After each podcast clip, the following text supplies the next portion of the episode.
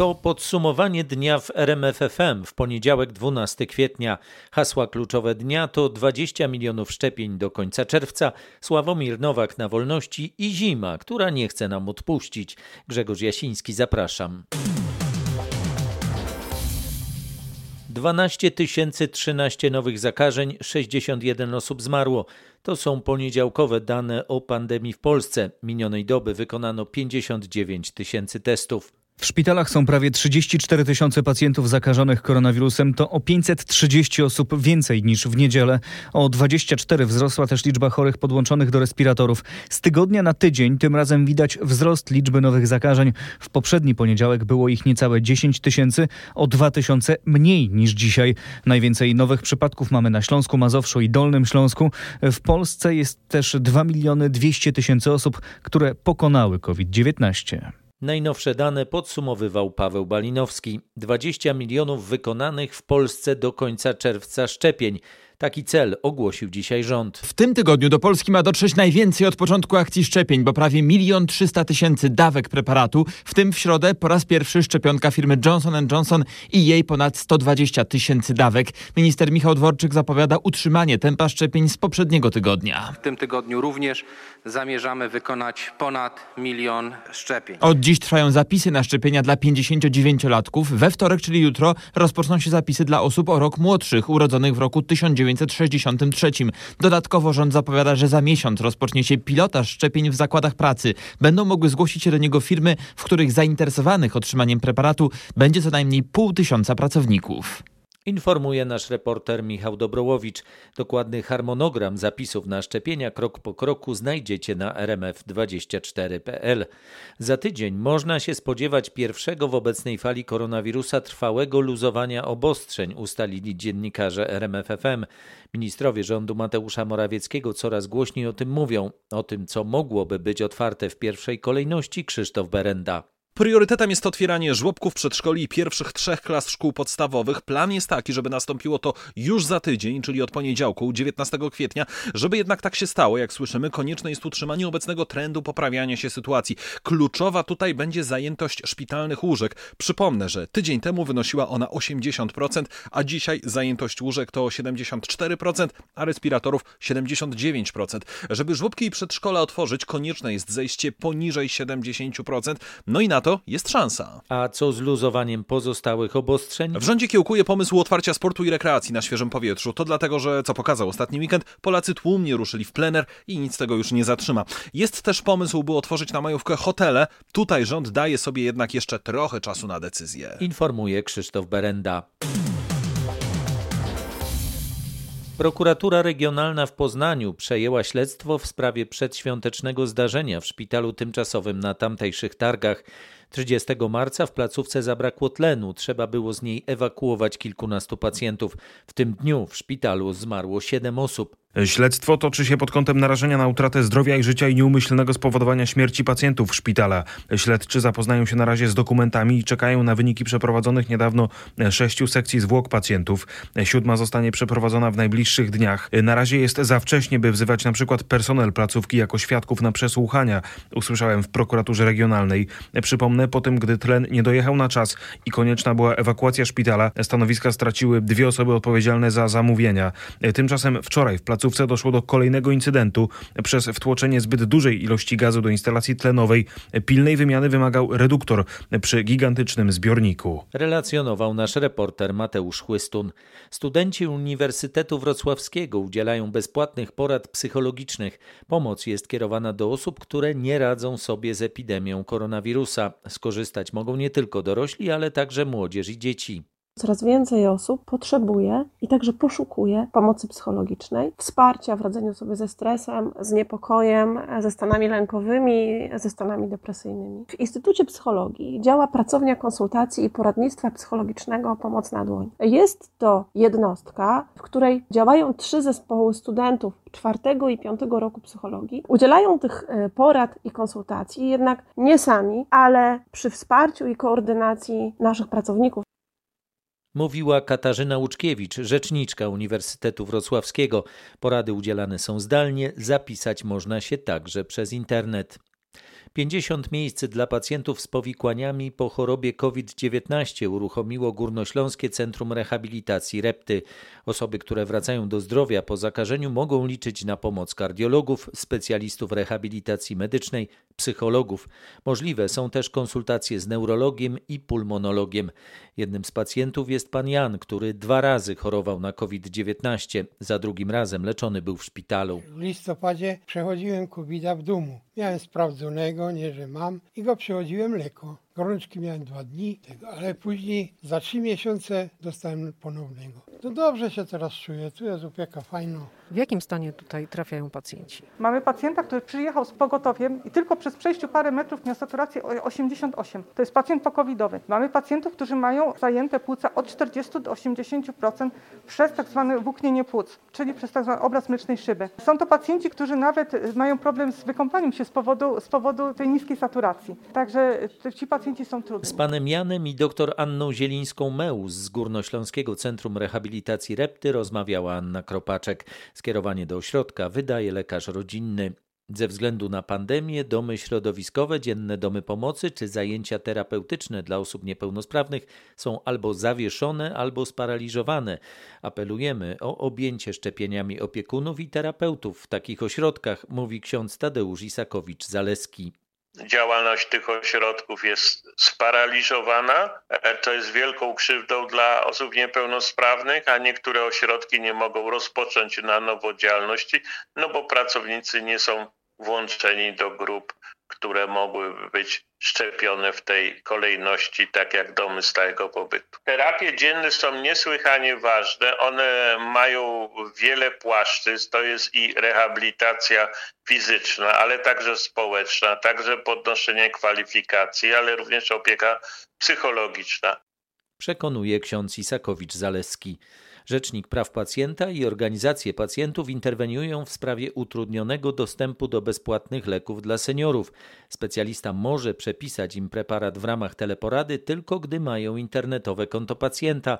Tymczasem takie konto ma jedynie 3% seniorów w wieku 75+. Organizacje pacjentów proponują, aby senior mógł złożyć formalne oświadczenie. W nim informowałby lekarza o tym, ile i jakich leków przyjmuje. Właśnie takie informacje można sprawdzić na internetowym koncie pacjenta, przekonuje Magdalena Kołodziej z Fundacji My Pacjenci. Taka informacja byłaby odnotowana w historii choroby wpisanej przez lekarza, że senior takie upoważnienie lekarzowi udzielił. Resort Zdrowia odpowiada, że przygotowuje zmianę przepisów w tej sprawie. Na razie jednak receptę na bezpłatne leki dla seniorów bez dodatkowych formalności wystawiać mogą tylko lekarze rodzinni. Sprawą zajmował się nasz reporter Michał Dobrołowicz. Przyjdzie czas na prawdę i na odwojowanie tego wszystkiego. Pewnych ran i blizn już z siebie nie zdejmę mówi Sławomir Nowak po opuszczeniu aresztu. Były minister transportu przebywał za kratkami od lipca w związku z zarzutami korupcyjnymi dotyczącymi jego działalności w Ukraińskiej Państwowej Agencji Drogowej. Sąd Okręgowy w Warszawie nie przychylił się do wniosku prokuratury o przedłużenie aresztu. Sprawę śledził Grzegorz Kwolek. Mówił o straconych dziewięciu miesiącach i o rozłące z rodziną. Przez siedem miesięcy żadnych kontaktów z najbliższymi, żadnego telefonu, żadnego widzenia, całkowite odcięcie e, od świata. Po siedmiu miesiącach łaskawie władza pozwoliła mi na telefon do żony. Nie chciał odnosić się do konferencji ministra sprawiedliwości Zbigniewa Ziobry ani do zarzutów prokuratury, a ta ostatnio uważa, że Sławomir Nowak musi wrócić do aresztu. Obawa matactwa, surowe zagrożenie karą oraz bardzo realna obawa ucieczki ukrywania się. Mówił już po decyzji sądu prokurator Jan Drelewski z warszawskiej prokuratury. Śledczy zapowiadają złożenie zażalenia. A wspomniany prokurator generalny zapowiedział ujawnienie materiałów ze śledztwa dotyczącego Nowaka. Kiedy Zbigniew Ziobro miałby ujawnić te dokumenty? Zapowiedział, że stanie się to, jeśli sąd nie uwzględni zażalenia na decyzję o wypuszczeniu byłego polityka z aresztu. Podczas konferencji prasowej sugerował, że sąd, podejmując dziś swe postanowienie, popełnił błąd. Przekonywał też, że śledztwo nie ma politycznego charakteru, choć jednocześnie już ujawnił jedno z politycznych stwierdzeń świadka z tego postępowania na temat Nowaka. Że co prawda teraz przy władzy jest ta partia, ale jak to się zmieni, to będzie można wiele spraw załatwić. To będzie, bo będzie partia, z której się wywodzi.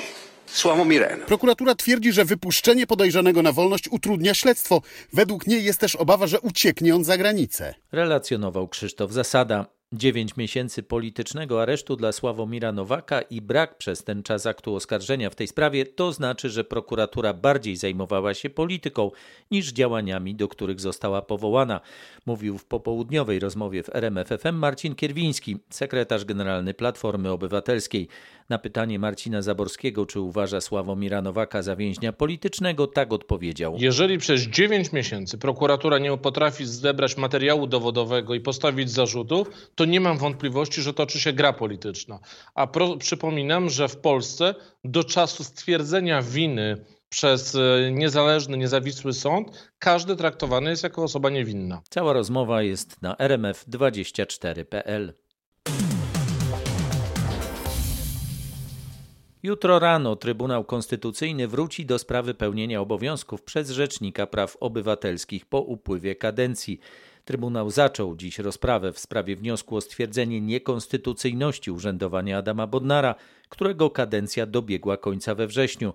Czy można jutro spodziewać się wyroku? Raczej tak, bo w ciągu nieco ponad godziny wyczerpano niemal pełną procedurę rozprawy. Swoje stanowiska przedstawili zarówno wnioskodawcy, dowodzący, że obecne przepisy mogą doprowadzić do stanu, w którym obecny rzecznik będzie urzędował dożywotnio, jak wspierający ich przedstawiciele Sejmu i prokuratury, a także sam rzecznik. Adam Bodnar podkreślał, że uznanie wniosku posłów PiS wprost naruszy artykuł 80 Konstytucji. Każdy ma prawo wystąpienia do Rzecznika Praw Obywatelskich. Czy ten rzecznik musi istnieć, żeby obywatele mogli z tego prawa korzystać? Nie może być sytuacji, w której tego rzecznika nagle brakuje. Na jutro Trybunałowi zostało zadawanie przez sędziów pytań uczestnikom postępowania, ich wystąpienia kończące narada sędziów i wydanie wyroku. Z rozkładu sił na sali wynika, że praca Adama Bodnara na stanowisku RPO zostanie nim zakończona.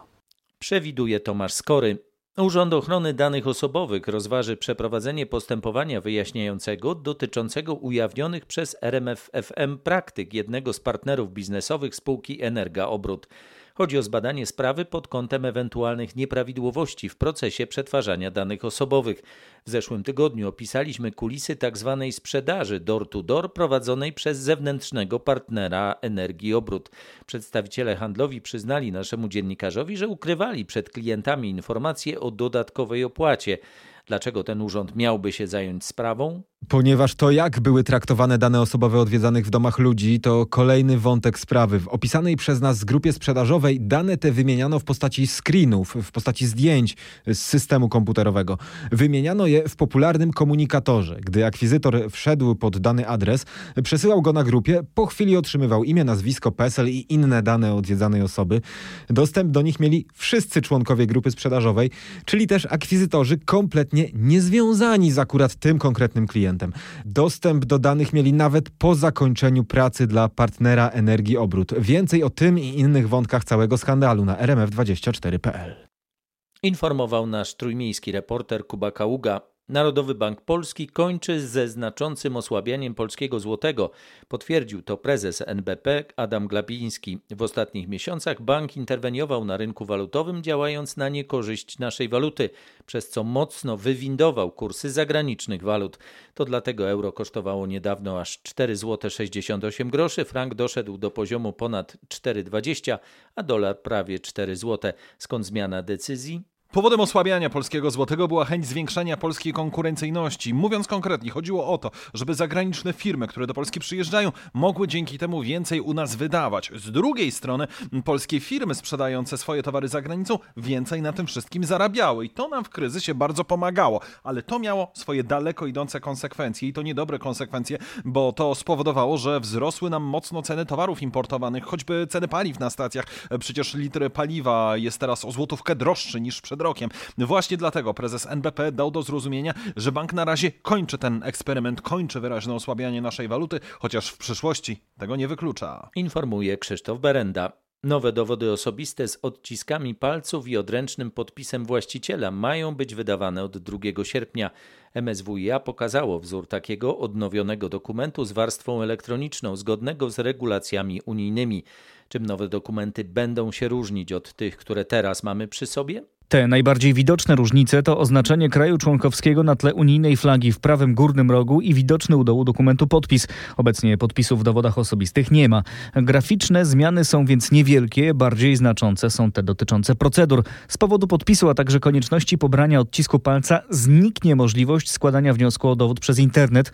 Zrobimy to tylko osobiście w urzędzie. W pierwszej turze nowe dokumenty dostanie 1,5 miliona osób, którym kończy się ważność dowodu oraz 380 tysięcy Polaków, którzy w tym roku kończą 18 lat. Informuje Paweł Balinowski. Jak będą wyglądały nowe dowody, sprawdźcie na rmf24.pl. W Czechach od dzisiaj nie obowiązuje już stan wyjątkowy wprowadzony w październiku ubiegłego roku w związku z pandemią koronawirusa. Częściowo otwarta będzie gospodarka. Od dzisiaj w Czechach otwarte są ponownie sklepy z odzieżą i obuwiem dla dzieci, sklepy papiernicze, pralnie, warsztaty ślusarskie i samochodowe, a także targowiska. Do szkół wrócili pierwszoklasiści, ale mają uczyć się rotacyjnie. W związku ze zniesieniem stanu wyjątkowego przestała obowiązywać także godzina policyjna i zakaz przemieszczania się między powiatami. Rząd czeski zapowiada kolejne otwarcia w gospodarce, ale nie ukrywa, że restauracje i inne lokale gastronomiczne będą otwierane w ostatnim terminie. Na razie sytuacja epidemiczna u naszych południowych sąsiadów wyraźnie się poprawia. Wskaźnik R, czyli współczynnik reprodukcji wirusa spadł poniżej jednego i notuje się najniższą dzienną liczbę nowych zakażeń od grudnia ubiegłego roku. Donosi Maciej Pałachicki. Firma Johnson Johnson rozpoczęła dziś dostawy swojej szczepionki przeciw COVID-19 do krajów Unii Europejskiej, poinformowała komisarz Unii do Spraw Zdrowia Stella Kyriakides. O tym, jak wygląda sytuacja ze szczepieniami z perspektywy Brukseli, nasza korespondentka. 36 tysięcy dawek szczepionki firma Johnson Johnson dostarczyła już na przykład do Belgii. Przypomnę, jest to czwarta zarejestrowana na unijnym rynku szczepionka i w porównaniu do pozostałych jest jednorazowa. W sprawie szczepionki AstraZeneca Komisja Europejska nadal oczekuje wyjaśnień od firmy w związku z jej opóźnieniami w dostawach. Bruksela wysłała list, który rozpoczyna procedurę, która może zakończyć się w sądzie. Na razie odbyło się pierwsze spotkanie stron w ramach tej procedury. Nie ma problemów z dostawami dostawami szczepionek Pfizer, BioNTech i Moderny. Bruksela zamierza ponadto uruchomić zakupy prawie 2 miliardów szczepionek Pfizera na przyszły rok. Cena jest wygórowana, jak ujawnił premier Bułgarii, to prawie 20 euro za dawkę. Relacjonowała z Brukseli Katarzyna Szymańska-Borginą. Policja w wielu amerykańskich miastach szykuje się na falę protestów po tym, jak funkcjonariusze z miasta Brooklyn Center zastrzelili 20-letniego Afroamerykanina. Już minionej nocy protesty po tym wydarzeniu wymknęły się spod kontroli, a w pobliżu Minneapolis splądrowano sklepy i niszczono samochody. Dwudziestolatek był poszukiwany przez policję. Funkcjonariusze zatrzymali go za złamaniem przepisów drogowych. W czasie kontroli okazało się, że jest poszukiwany. Próbowali go aresztować, ale Afroamerykanin wsiadł do auta i zaczął uciekać. Wówczas policjanci oddali strzały. Dwudziestolatek zmarł kilka przecznic dalej.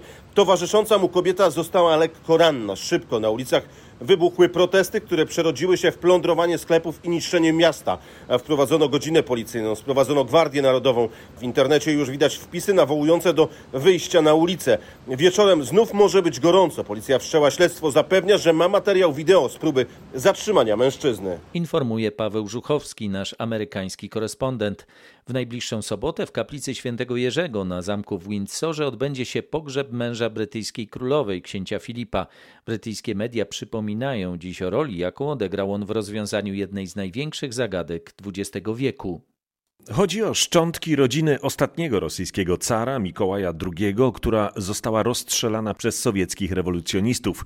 Próbki DNA, pobrane m.in. od księcia Filipa, pozwoliły ustalić ponad wszelką wątpliwość, że w dwóch grobach odkrytych w odstępie kilkunastu lat na przełomie wieków pochowano całą rodzinę Romanowów. Mąż brytyjskiej królowej skoligacony był z rosyjską dynastią przez swoich dziadków i babki, a szczególnie z carycą Aleksandrą. Ustalenia genetyków położyły kres spekulacjom, że jedna z córek i syn cesarskiej pary mogli przeżyć egzekucję.